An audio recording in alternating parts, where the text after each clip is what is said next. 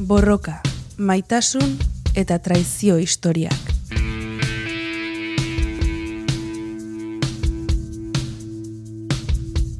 Beatriz Rubioren azalpenak estitxu eizagirreren konpainian. Kaixo Beatriz, Hau pastitxu. bueno, iritsi gara bederatzi garden eta azken saiora. Eta jarraituko dugu feminismoak karekin aztertzen, eta hitz bat izango da protagonista saio honetan, intersekzionalitatea. Bai. Zer da? Bueno, nolabait eh, hitz honek adierazi nahi duena da, emakume guztiak, emakume izateagatik eh, jasatzen dugu patriarkatuak eh, zapalkuntza, baina egia da, ez dala berdina, emakume zuria europearra eta e, soldata duna izatea, edo Ego Amerikatik e, lana egitera etorri den ekuatoriar indigena bat e, Euskal Herrian. Nolabait, badaudela beste ezagarri batzuk zeharkatzen gaituztenak, eta nahiz eta danak emakume izan, ezagarri horiek baldintzatzen gaituzte. Ezagarri horiek zan daitezkela, momentu jakin batean, adibidez, adina, ezberdina da e, heldua izatea edo gaztea, ama izatea, amatasuna, izan, e, arraza, klasea, etnia, jatorria, orientazio sexuala, e, erligioa, orduan nolabait, ezaugarri horiek guztiek osoan gu, osotasunean sartzen, zeharkatzen gaituzte, bai ez da banatu ditzazkegun ezaugarriak. Zapalkuntzak metatu ere egiten dira. Hori da. Bueno, orduan interseksualitatearen barruan gaur hainbat zapalkuntza edo aztertuko ditugu, arrazarena da aztertuko dugun lehenengoa, eta horri lotuta dago, ba, aurreko saioan entzulei egin Bai. genien galdera edo amua, ez? Nork esan zuen naguseren etxea ezin dela naguseren erremintekin bota. Bueno, ba, esan zuena Audrey Lorde esan zen, eta esalpentsoa eta gero gehiagaren interpretatzeko bere zaldi hori, ez? Orduan, bueno, Audrey Lorde bezala beste batzuk, nahi ikusiko ditugunak, estatu batuetan, hasi ziren nolabaiteko e, arrazaren inguruko keskak salatzen, batez ere e, e, estatu batuetan beltzek bizi zuten egoeragatik, ezta? Orduan, en, nolabait, Audrey Lordek bere burua, ez, bera, aktivista, poeta eta lesbianatzat jotzen zuen, eta e, honea ekarri dugu, zeberak e, e, atze, atzerritar aizpa edo e, liburua idatzi zuen, bueno, berez liburua da artikulu bilduma bat, non e, kritika zorrotza eta sakona egiten ziren nolabait e, feminismo zuriari edo emakume zuri feministei. Nolabait esan ez, bai, e, gu, bai emakume beltzak, bai emakume txuriak, dauzkagu komunean ezaugarri asko, emakume izateagatik, baina daude beste ezberdintasun batzuk, belt, e, beltzok pairatu behar ditugunak eta zuek ez, eta arazoa ez da inbeste zuek zuriak e, eta gu artean ezberdintasun horiek egotea, baizik eta zuek ez onartzea ezberdintasun horiek daudela eta ezberdintasun horien kontra borroka ez egitea.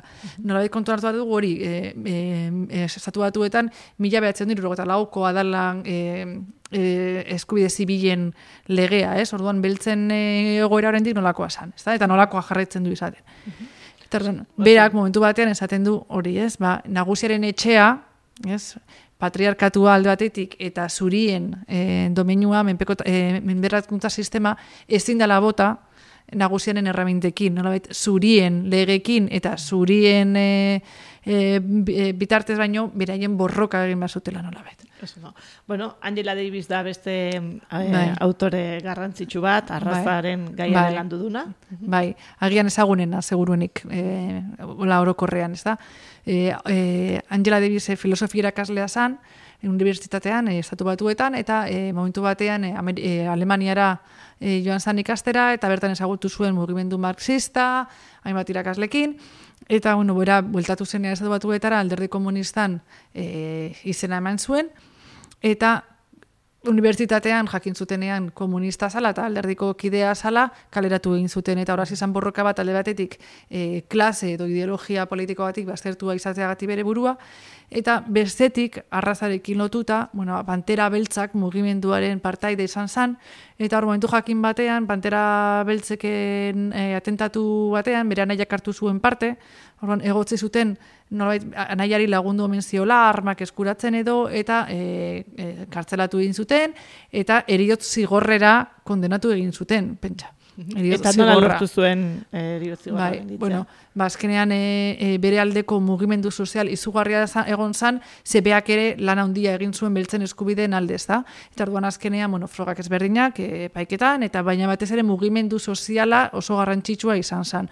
Orduan, bera, bere borroka urtean zehar beti, da- beti izan zan, e, giza iz- izan da, zeuran dibizi dago, e, giza eskubideen aldeko borroka, beltzen egoera eta hor sistema poliziala eta legearen e, salaketak nolabait egin du urtetan zehar eta emakumeen e, eskubideen e, aldeko borroka eta batez ere beltzak, ez? E, arrazista- arrazalizazioaren e, baitan. Ez da, zeberentzako arraza emakume eta klasea batatoz. Eta hori da kontatzen diguna bere bi obra nagusietan, bat ala bere autobiografia, oso, oso gomendagarria, e, ez bakarrik e, Angela Davis ezagutzeko, baita beltzen historia eta egoera Amerikan ezagutzeko, eta bestetik bere obra famatua feminismoan e, emakume arrasa eta, eta klasea. Mhm.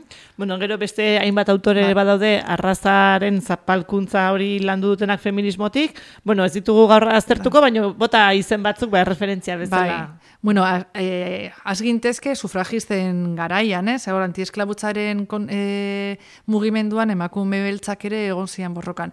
Baina olain pixkatola gaur egunera ekarrita, irakurri dezakegu Angela e, e, Bell Hooksen inguruan, Maya Angelouren inguruan, gaztentzo, gaztentzako oso egokia adidez Chimamanda Gotzi Adichie, horiek behar da idazitzuna e, guztiok izan beharko genuke feminista, eta adidez Tara Burk e, Too mugimendu famatua e, martxan jarri zuena, ez? Nola indarkeria salatuz.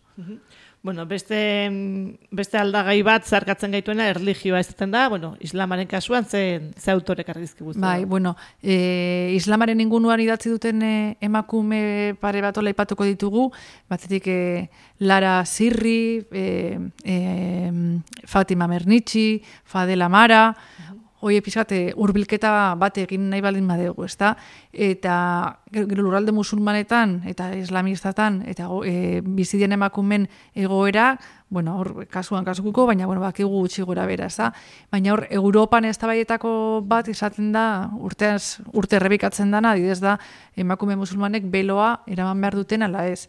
Eta nolabait ekarri gai hori ze bi personamentu oso ezberdin daude, adibidez momentu enten zeutako parlamentari bat e, uste dudala Podemos alderdikoak, bera beloarekin jazten du eta beloaren alde dago, baina aldiz Frantziako lehen emakume imana izango dena agertu da beloara ematearen guztiz kontra, orduan nolaiteko, bueno, ez da gisa.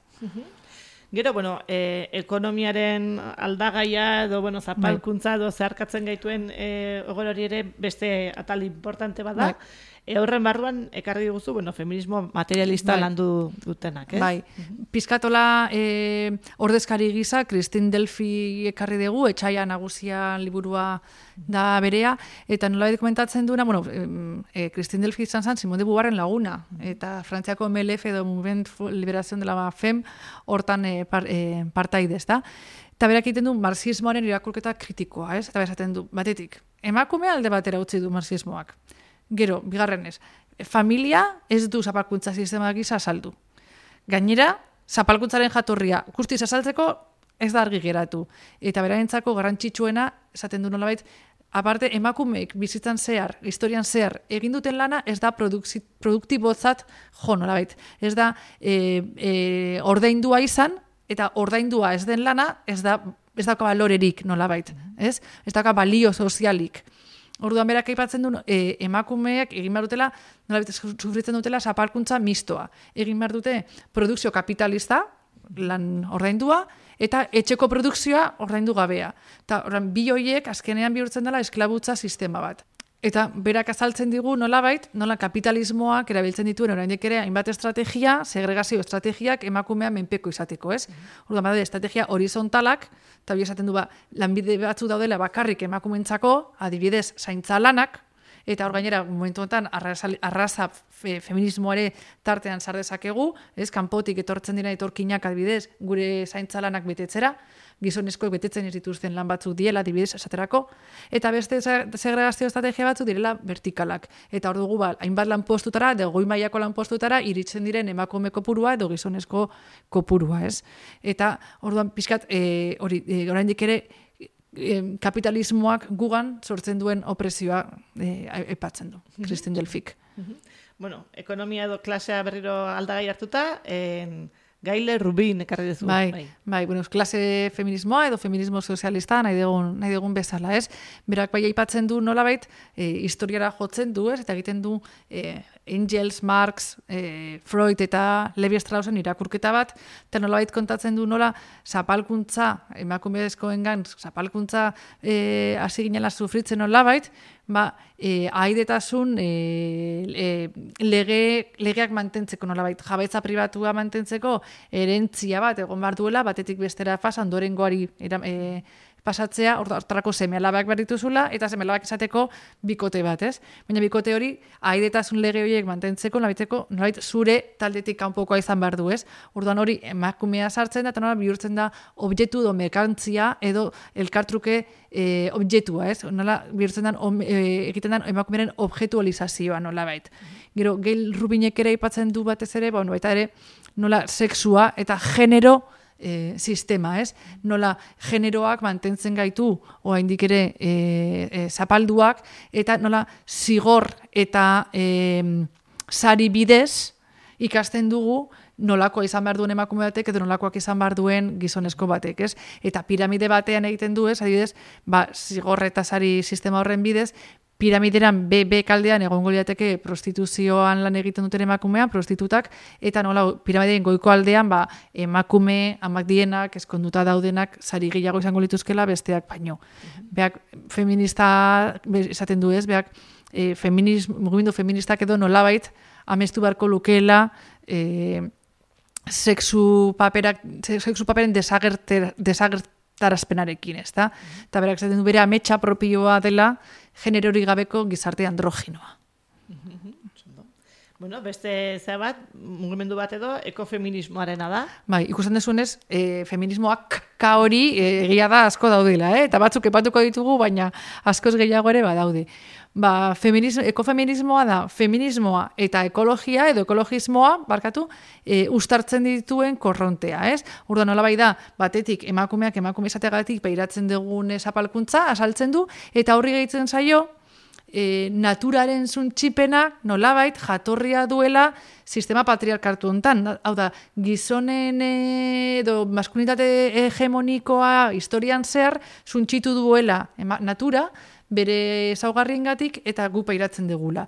Orduan oso sortu ziren bi bi ekofeminismo fase edo garai, batetik lehenengoa edo iparraldekoa edo klasikoa edo esaten dana, horre, feminista erradikalen artetik sortu zen, irurogei garren amarkadan, asko ikutzen du feminismo, ezberdintasunaren feminismoa, nolabait esaten du emakumeak natura zaintza, babesarekin lotzen ditu, eta aldiz gizona gerra, zuntxipenarekin, ondamendiarekin, Eta, bueno, e, nahiko kritikak esan zituen bere momentuan, eh? feminista asko kritika hundiak egin zizkieten. Baina bereiek pizkat bat, nolabeteko bere egin keska zan, e, batetik, e, osasuna, e, eta bestetik, hori, e, zaintzaren etika edo, zabaltzea, pixkate zabaltzea. Eta hortik, il, il, bere egin hildoa jarraitu, aurrerago egoaldean, lurralde ez garatuetan, esango genukena, edo guaino pobreagoa biezidien lurraldetan, garatu zen beste ekofeminismo bat, horre, ordezkari bezala badaukagu e, abandana xiba, eta berak nolabait esaten digu, azkenean, naturaren zuntxipena dakarra pobrezia, eta pobreen artean, pobrenak beti garela emakumeak. Eta orduan nolabaiteko e, garapena, berez ez dela garapena, izak eta disgarapena, Zer, azkenean pobreziera, eramaten gaitu suntxipe naturalarekin, gaur egun aldaketa klimatikoa eta piskatori guztia. Eta hemendik hortik jarraitzen du gaur egungo ekofeminismoaren e, e, lan hildoak edo. Bai, e, lurraren aldeko defentsa eta bai. eta askotan indigenena ere lotzen dutenak bai. ez, ez Latin Amerikarakoak. Bai, eta... bai, eta piskalotu da hori intersegionalitate horrekin. Uh Danak emakumea gara, baina ez da berdina, e, markatu emakumea gara, baina ez da berdina emakume euskaldun bat, edo edo indian bizi den emakume nekazari bat, edo handetan bizi den indigena e, inka bat, edo e, arraza eta eta klaseak ere zeharkatzen gaitu. Bueno, e, kantu bat jartzen dugu saio bakoitzean, eta oraingoan eneritzek miren narbaizaren bizia hartas kantu jartzen dugu.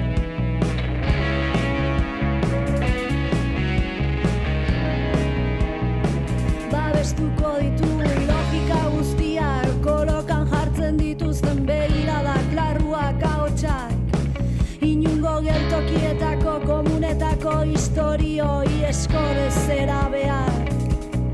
Zaurgarria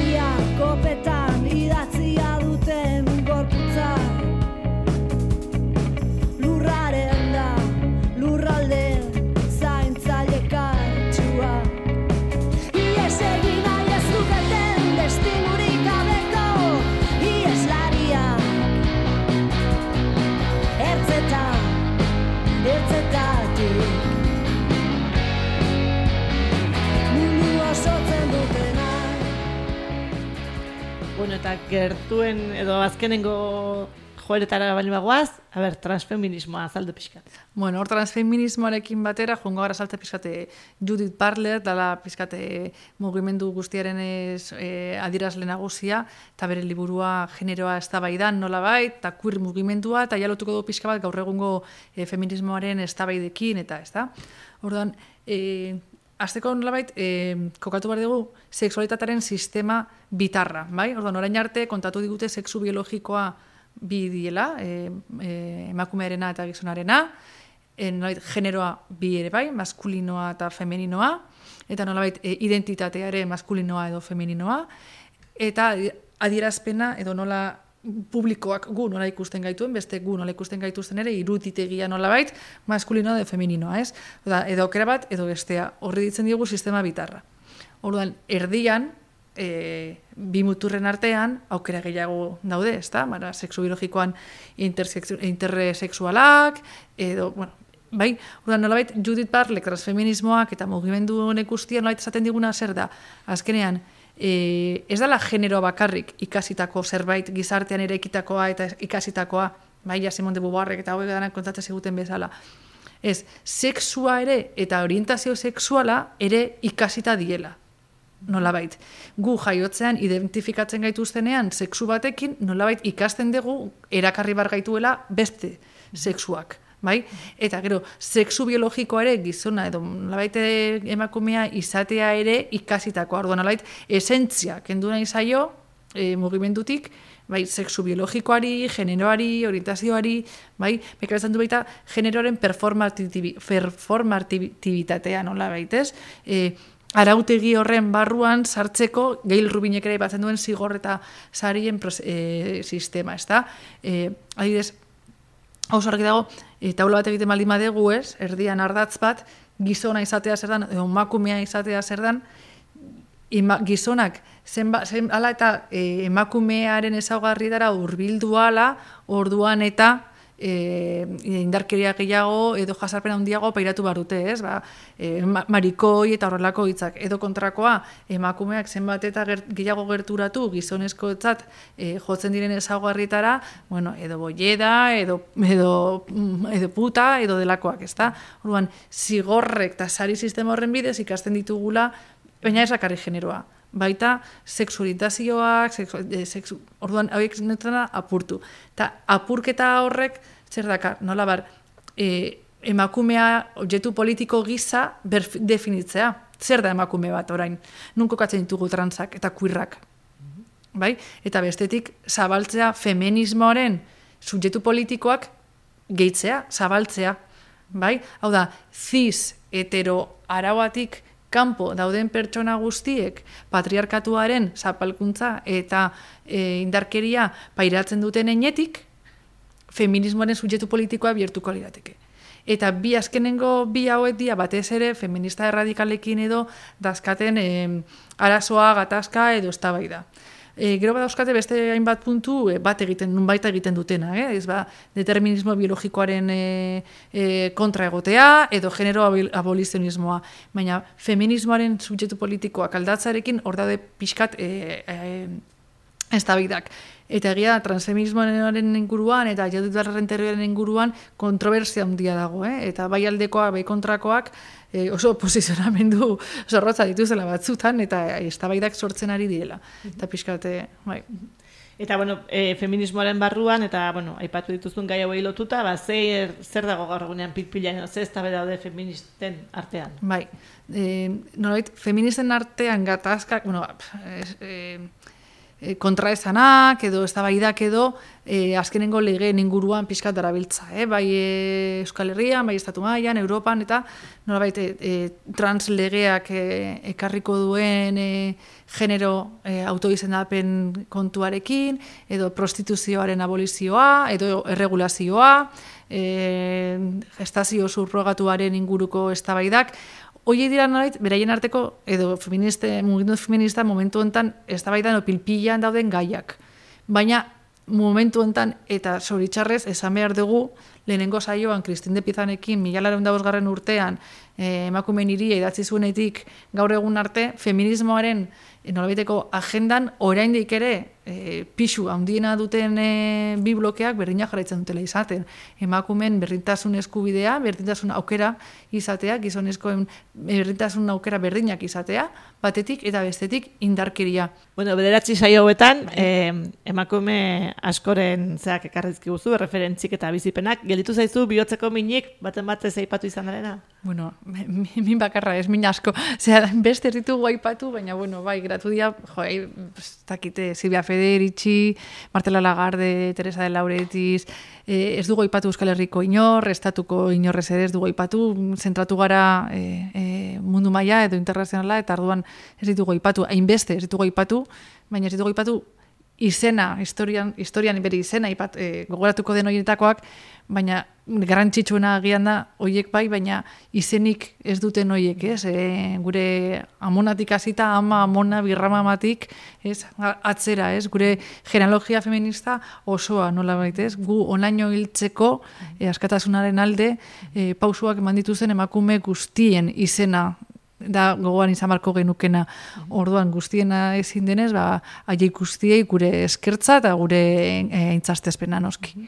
Aipatu ditugunak ere izan dira, e, bueno, feminismoari ekarpen teoriko bat egin dion jendea, bai. ez? Baina behar bada, alorka ere, aipatu zitezken beste batzuk, edo? Bai, noski, ze, e, Simon de Beauvoir eta hauek oso garrantzitsuak izan dira, eta propio feminismoaren inguran hitz egin dute, baina adibidez Bronte Aizpak, e, Virginia Woolf, edo Margaret Atwood eta Siri Husbet gaur egun, zinek esan aldie feminismoa e, garatzen laguntzen ari ez dienik, ez da?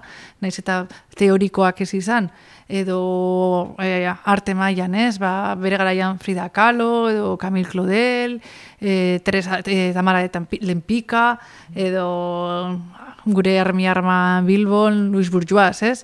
Ba, agian ez dute propio feminismoa hitz egin, baina emakumeen askatasunean eta berdintasunean bai egin dute lan handia, ez? Edo zientzialariak e, eta, eta teknologia esparruan ari dienak, eta horita izan dienak, gaur egun Steam e, esparrua garrantzia handia daukana feminismoa barruan, ez da? Bai, patiatik hasita, Lovelace, Meirner, Lamar, e, Rosalind Franklin, e, Jane Goodall, hoi guztiek ere, e, propio ez egin arren asko egin dute emakumeen egoera hobea izan dadin. Ni harritzen aizu jarri eta oso posi jartzen ez e, gaur egun ETB jartzen dudanean edo entzuten dudanean ETB ikustean e, e, e, atzerrian dauden korrespontsal guztiak emakumeak diela momentu hontan. Mm. Hai esan Txipadilla, Nira Zabal, e, Simon, danak dira emakumeak eta hori oso polita da. Horiek ere agian ez dia feminista, mugimendu feministaz hitz egiten ari, baina asko egiten dute erreferente gisa. Bueno, ba, minak min eta postak poz, eskerrik asko, Beatriz, ba, bedatzi saio hauetan ekarri guzun edukiagatik argiaren izenean. Vale, eta nik eskertak eman izkiote, eskerrak eman argiari, batez ere e, nire esparrutik, bai eskuntza, bai feminismoaren inguruan egiten duzuen lan bikaina, sakona eta tengabeagatik.